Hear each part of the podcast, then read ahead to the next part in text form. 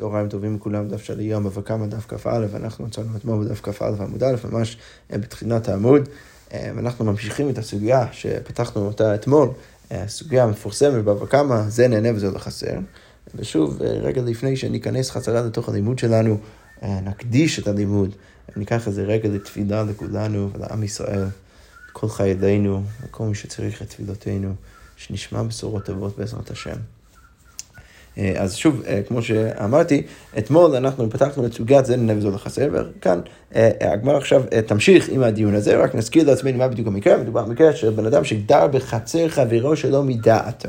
עכשיו, הוא, הוא גר שם שלא מדעת בעל החצר, ומדובר במקרה שהוא בעצמו היה משלם כסף, הוא, הוא באמת צריך מקום לגור, הוא, הוא היה מוכן לשכור דירה.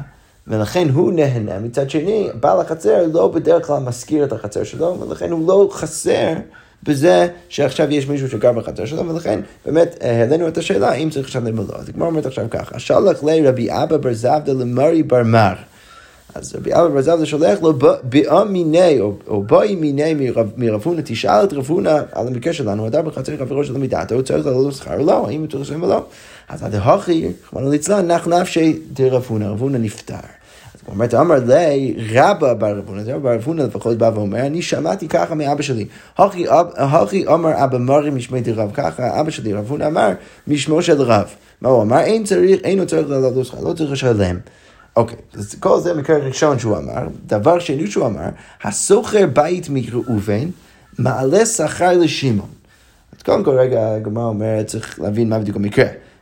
יש פה איזה משהו מוזר, בן אדם סוחר בעל מרובין, פתאום אנחנו אומרים שהוא צריך לשלם לשמעון. אז הוא אומר, שמעון, מה יביא את זה? מה, קשור שמעון לכל המקרה? אז הוא אומר לו, מה, מה המקרה? הרי גמר, נמצא הבית של שמעון, בן אדם סוחר בית מראובן, ראובן בבוא, הנה יש לי בית, אתה רוצה לשלם לי כסף ולגור בה? אז הוא סוחר בית מראובן, אבל נמצא הבית של שמעון, פתאום אנחנו מגלים שזה בית של שמעון, אז במקרה הזה מעלה לו שכר. עכשיו, אז כל זה מעולה לגבי איך להבין את המקרה, אבל אז יוצא שיש לכאורה איזושהי סתירה בתוך דברי רב. למה? כי מצד אחד הוא פוסק שההדר אה, בחצר חברו שלא מדעתו אינו צריך לענות לו שכר. מצד שני, מדובר כאן על מקרה שזה לכאורה בדיוק המקרה הזה. זה בן אדם ששכר בית מראובן, אבל בעצם מסתבר שזה של שמעון. אז יוצא שהוא באמת גר בבית של שמעון בלי ששמעון ידע מזה, פתאום אנחנו אומרים, מה עלה לו שכר? הוא צריך לשלם, מה עלה לו שכר לשמעון? אז הגמרא אומרת, תרתי, מה אתה, אתה אומר שתי הלכות שסותרות אחת את השנייה? אתה באמת לא. מה צריך להגיד? הוד קיימן לאגר, הוד לא קיימן לאגר. צריך להגיד שהמקרה של שמעון זה באמת מקרה של זה חסר. למה? כי אם שמעון היה יודע שזה הבית שלו, אז ברור שהוא היה מזכיר את זה.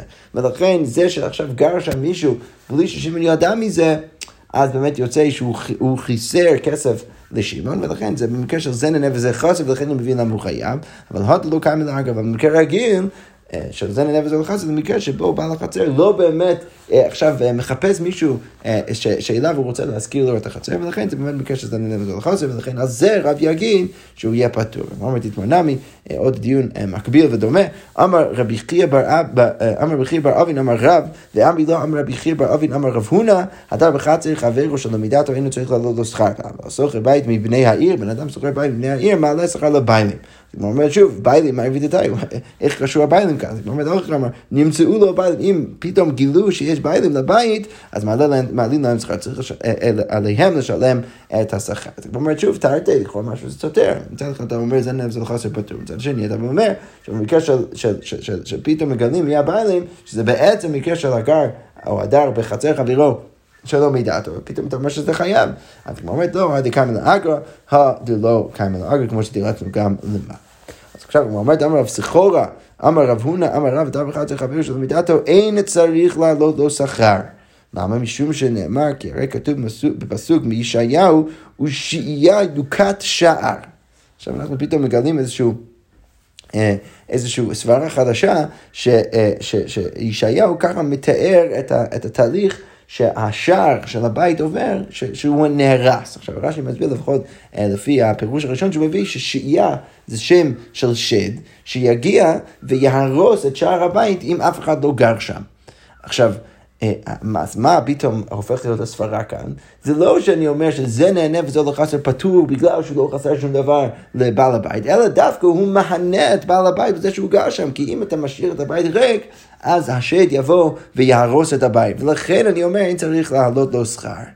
אוקיי, ואמר מר בר רב אשי לדידי חזי לי, אני ראיתי את, השד הזה, הוא מנגח קיטורי, והוא באמת נוגח כמו, כמו שור, הוא באמת, אה, אה, הוא, הוא עושה נזק כמו, כמו השברים. אוקיי, אז כל זה סברה ראשונה. רב יוסף אמר, ביתא מיתווה יוטיב. אז רב יוסף אומר, רק בית שיושבים בתוכה וגרים בתוכה, רק בית כזה באמת יכול להיות, אה, אה, אה, יכול להיות יציב, ובאמת אפשר, אפשר, אפשר להיות בטוח, בטוחים שהכל יהיה בסדר. עכשיו שוב, אנחנו, סברה מאוד מאוד דומה למה שאמרנו למעלה, פתאום שוב אנחנו מקבלים איזו סברה שדווקא ההוא שגר שם, אז הוא מענה את בעל הבית, ולכן בגלל זה הוא לא צריך לשלם. אז אומרת, אבל רגע, מהי ביניים? מה, מה, מה נפקא מיני יש בין הדיוק של רב, או הלימוד של רב, שבא ואומר, ולומד את זה מהפסוק מישעיהו לגבי השד, אה, מה נפקא מינה בין זה לבין שיטת הרב יוסף, הוא אומר ביתא מיית ויתיב. אז כמו אומרת, איכא בינם יש נפקא מינה דקא משתמש בבציביה ותבנה. אם בעל הבית גם ככה משתמש בבית בציביה ותבנה, משתמש בזה אה, לתבן. אה, ולעצים, הוא שם, הוא משתמש בזה כאוצר כזה שהוא שם כל מיני דברים. עכשיו, על הצד של השד, בגלל שיש בן אדם שבכל זאת יוצא, נכנס, יוצא ונכנס כל הזמן, אז באמת אין בעיה של השם. אז מטעם רב, אז לא היינו צריכים באמת לפתור את הדר בחצר חברו של מדעתו, אבל מסברתו של רב יוסף צריך משהו שממש, מישהו שממש גר שם. וכל עוד אין מישהו שגר שם, באמת צריך לדאוג לבית, ולכן, אה, ולכן שם דווקא הוא עדיין אה, יפתור. אוקיי, אז עכשיו הגמרא מספר את הסיפור הבא, הוא גברא דיבונה הפנדה הקלקילותא דיאטמי. זה מישהו שבנה בית גדול אה, על גבי האשפה של היתומים. זה איזשהו חלק אה, אה, של רכוש שהיתומים ירשו מאבא שלהם, והגיע בן אדם ובנה בית בדיוק שם. אז הגמרא מספרת, אגבי רב נחמן לפנדד מיני. אז רב נחמן גבה את הבית מהם, מההוא ש... ש, ש או ממנו, מההוא שבנה את שם, אמר שלא באמת הייתה לך זכות לבנות כאן. אז הוא אומר, למה כסבר רב נחמן, הדר בחצר חברו של מידת זה לא שכר, לכאורה משהו שרב נחמן צובר שמה, שהדר בחצר חברו של מידת, הנה, יש פה איזה מקרה, היתומים אולי לא יודעים מזה, הם בכל מקרה לא משתמשים לכאורה בהשפעה, מקרה שהדר בחצר חברו שלו מידת, זה סוג של מקרה שזה נהנה וזה לא חסר, ורב נחמן בא ולוקח את זה מהם, לכאורה משמע שמה הוא צובר, צריך לא שכר, כל עוד הם לא משלמים ליתומים, אז יש פה בעיה. אז כמו אומרת לא. כי מה, אני יכול לספר איזה סיפור אחר שהיה שם. הוא, מעיקר, קרמני עבודה ריבה. אז היו אנשים שקוראים להם קרמני, מה שכותב מאומה, אה, אה, זה שם אומה, אנשים מאומה מסוימת היו גרים שם, והיו משלמים קצת כסף ליתומים. עכשיו שהוא הגיע ובנה את הבית שלו, אז פתאום האנשים האלה לא יכולים לגור שם, ולכן לא יעלו שכר ליתומים. אז לכן רב נחמן מגיע ואומר, אמר לי, זיל פייסינו ליד, אתה צריך עכשיו לפחות לשלם ליתומים, ולא אשכרה, הוא לא הקשיב. ולכן, רק ברב נחמן פעם דמיני, אבל זה לא באמת בקשר שזה לא נפש לחסר, ולכן זה מסביר למה רב נחמן גבה ממנו את הבית, וזה לא בהכרח אומר שרב נחמן פוסק שזה נפש לחסר פטור. אוקיי, יפה. וזה באמת, סיימנו את הסוגיה של זה נפש לחסר. שוב, סוגיה מאוד מאוד מאוד מפורסמת, ועכשיו אנחנו נחזור חזרה אל המשנה, שאמרנו uh, במשנה שאם הבהמה אוכלת ברשות הרבים, אז היא אמנם פטורה מתשלומי נזק, אבל כן אמרנו שהיא חייבת, או הבעלים צריכים לפחות לשלם מה שנהנית. אז הגמרא אומרת, אמר רב, הוא במחזרת. אז רב בא ואומר שכשהמשנה אומרת שבעל השור צריך לשלם על, אה, על, על, על מה שהבהמה הזיקה, אז זה רק במקרה של מחזרת.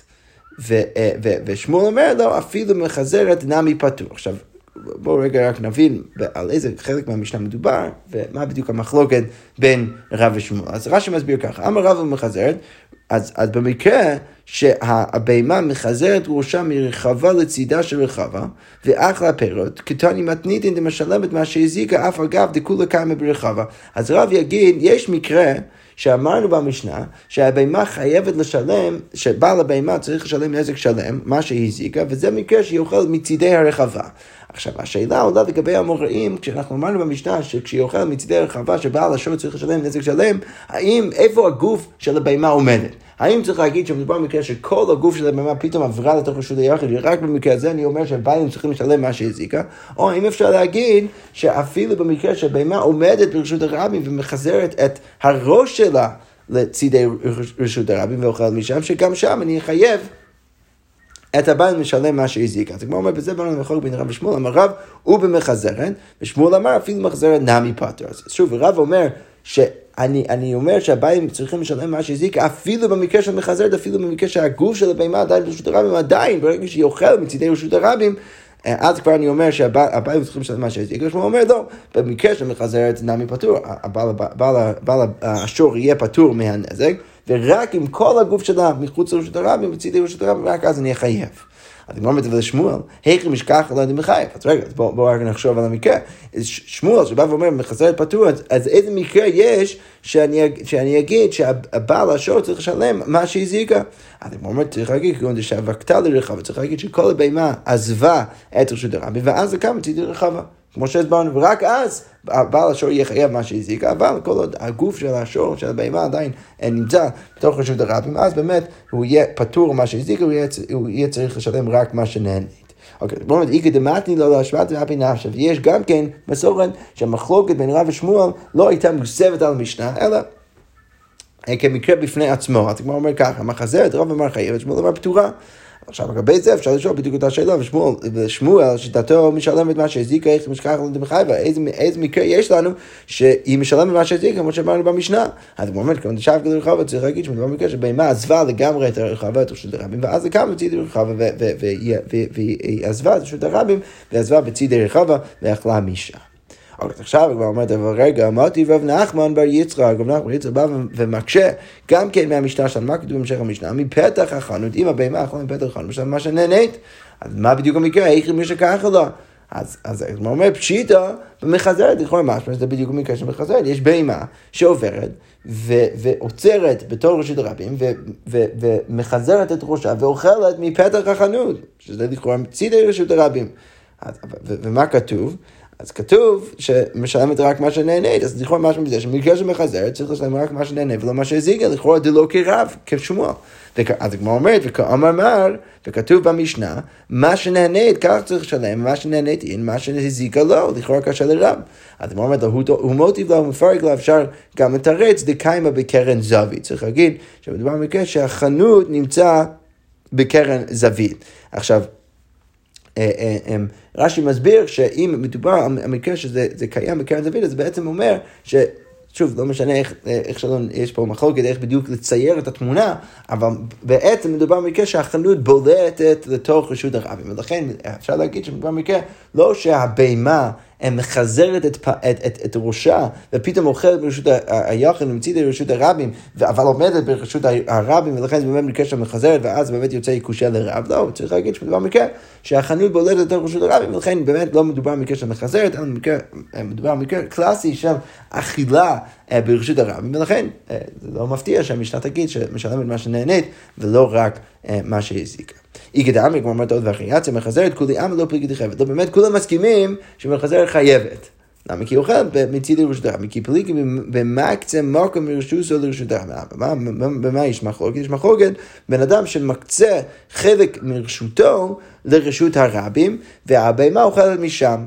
אז הגמרא אומרת, ואחי איתמר, כך צריך להגיד, אמר רב לא שנו על המחזרת. אנחנו אמרנו רק במחזרת, רק שם. אנחנו נגיד שבאמת חייב, אבל מקצה מקום רשוסו לרשות הרבים פטורה. למה? כי שמה באמת כשבן אדם אוכל, או בהמה אוכלת משם, אז צריך באמת להגיד שברגע שהוא יקצה את זה לרשות הרבים, זה נחשב כחלק מרשות הרבים, זה אפילו לא צידי לרשות הרבים, ולכן אנחנו נגיד ששם הוא יהיה פטור, כמו שן ברשות הרבים, ושמואל אמר אפילו מקצה מקום מרשות לרשות הרבים, גם שם זה יהיה חייב, בדיוק כמו מקרה של מחזר, כי זה כמו צידי רשות הרבים. אז כמו אומרת, למה בבור ברשות הכמפגז? לכאורה משמע שרב ושמואל הם, הם בעצם נחלקים במקרה של בור ברשותו. עכשיו, מה זה בדיוק בור ברשותו? רש"י מסביר שיש מחלוקת בין רבי ישמעאל ורבי עקיבא סביב השאלה מה קורה אם בן אדם אה, חופר בור ברשותו, ואז מפקיר את רשותו. אז באמת מפקיר את זה כדי להיות חלק מרשות הרבים. אז הוא אומר, רב דאמר פטר, אז רב שיגיד כאן שהבהמה פטורה אם היא אוכלת מה, מהאוכל ברשותו של הבן אדם שהקצה את זה לרשות הרבים, בעצם מה הוא תופס? הוא תופס את זה שזה באמת נחשב כרשות הרבים. כי באמת, לכן הוא יגיד שבעל השור יהיה פטור משן.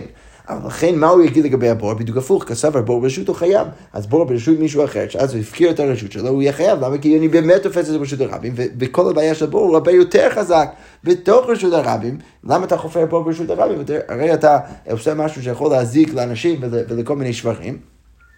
ולכן באמת במקרה הזה חייב, כל עוד רב יותר ויותר מניח שמדובר פה באמת על רשות הרבים, כי הוא פותר לגבי השן, אז כנראה שהוא יחייב לגבי הבור. אומר, ושמואל בדיוק הפוך, שמואל אמר חייב, כסף הבור ברשות הפוטר, אז לכאורה הוא יגיד שבור ברשות הפוטר, למה? כי הוא מחייב, אז כנראה שהוא סובר שהבן אדם הזה לא באמת הצליח. להקצות את רשותו להיות רשות הרבים לגמרי, הוא עדיין תופס את זה כרשות היחיד, ולכן הבור ברשותו זה גם יהיה פתור, כי זה, בסוף זה בתוך רשותו של הבן אדם, בן אדם יכול לחפור, לחפור בור בתוך רשותו, הוא לא צריך לדאוג, ולכן הוא יהיה פתור. אז הוא אומר, לא, אמר לך, כל, כל אחד יגיד שבאמת הוא יכול לסבור גם כן בשיטה ההפוכה. אז אמר לך, רב, לא אמר לך, בעלמא ברשותו פתור. לא, באמת אפשר להגיד שבור ברשותו גם כן פתור. איי, רגע. אז למה כאן, אם בו רשות הפוטו, אז בעצם אומר שאני תופס את זה כרשותו של היחיד עדיין, אז למה כאן פתאום יהיה חייב כשהוא מקצה את רשותו לרשות הרב? אז הוא אומר שאני אוכל, דאמר עליו כל למקרבת לו לפירותך לרשות הרבים, זה מחייבת לו לתוראי. אז אני יכול להגיד שאני פטור, למה כי אני יכול להגיד, אתה לא היית צריך לקרב את הפירות שלך לתוך רשות הרבים, הרי... אה, ודרך זה רק לחייב אותי על זה שהשור שלי אוכל את הפירות שלך, זה לא היית צריך לעשות. ולכן למרות שאני תופס את זה באמת כרשות היחיד, יש פה בן אדם שבאמת מקצה את רשותו לרשות הרבים, מקרב את הפירות של רשות הרבים, ברור שאני יכול לטעון משהו נגדו כבעל השור, ולכן אני יכול לפתור את עצמי. ושמואל אמר, בדיוק הפוך, בעלמא בור ברשותו חייב, לא באמת בדרך כלל בור ברשותו זה יהיה חייב. דבשלמה בור איכא למימר עליו. אז למה הוא חייב? כי באמת, אני יכול להגיד שזה באמת רשות זה, זה, זה באמת נחשב כרשות הרבים, ואני יכול להגיד שזה לאו עדתי דשור, רש"י כותב לנטורי נפשי, אתה לא צריך, הבעל השור, השור עצמו לא, לא, לא חושב שיש שם פתאום פה באמצע רשות הרבים, ולכן באמת אני מבין למה חייב. אבל על הפירות, אם אני, אז שוב, מה השאלה? אם אני תופס את הבור כרשות הרבים, אז למה פתאום אני מחייב על הפירות? אז מה אני יכול להגיד? על הפירות מאיגל מימר למה דעתי? אתה רואה את הפירות, אז, אז בטח אתה צריך להגיד שזה לא לאו הדעתי של בעל השור ושל השור עצמו, הוא היה צריך לשמוע על השור שלו מלאכול את הפירות, ולכן באמת במקרה הזה הוא יהיה חייב. אוקיי, אז כמו אומרת, למה מחזרת את הנאי? אולי צריך להגיד שהשאלה שמחזרת היא בעצם תלויה במכון קטנים. ותניא אחלה מתוך הרחבה, יש לנו מה שננת. רחב, יש להם מה שהזיק את דברי רבי מאיר ורבי יהודה בדיוק כמו שמצינו במשנה.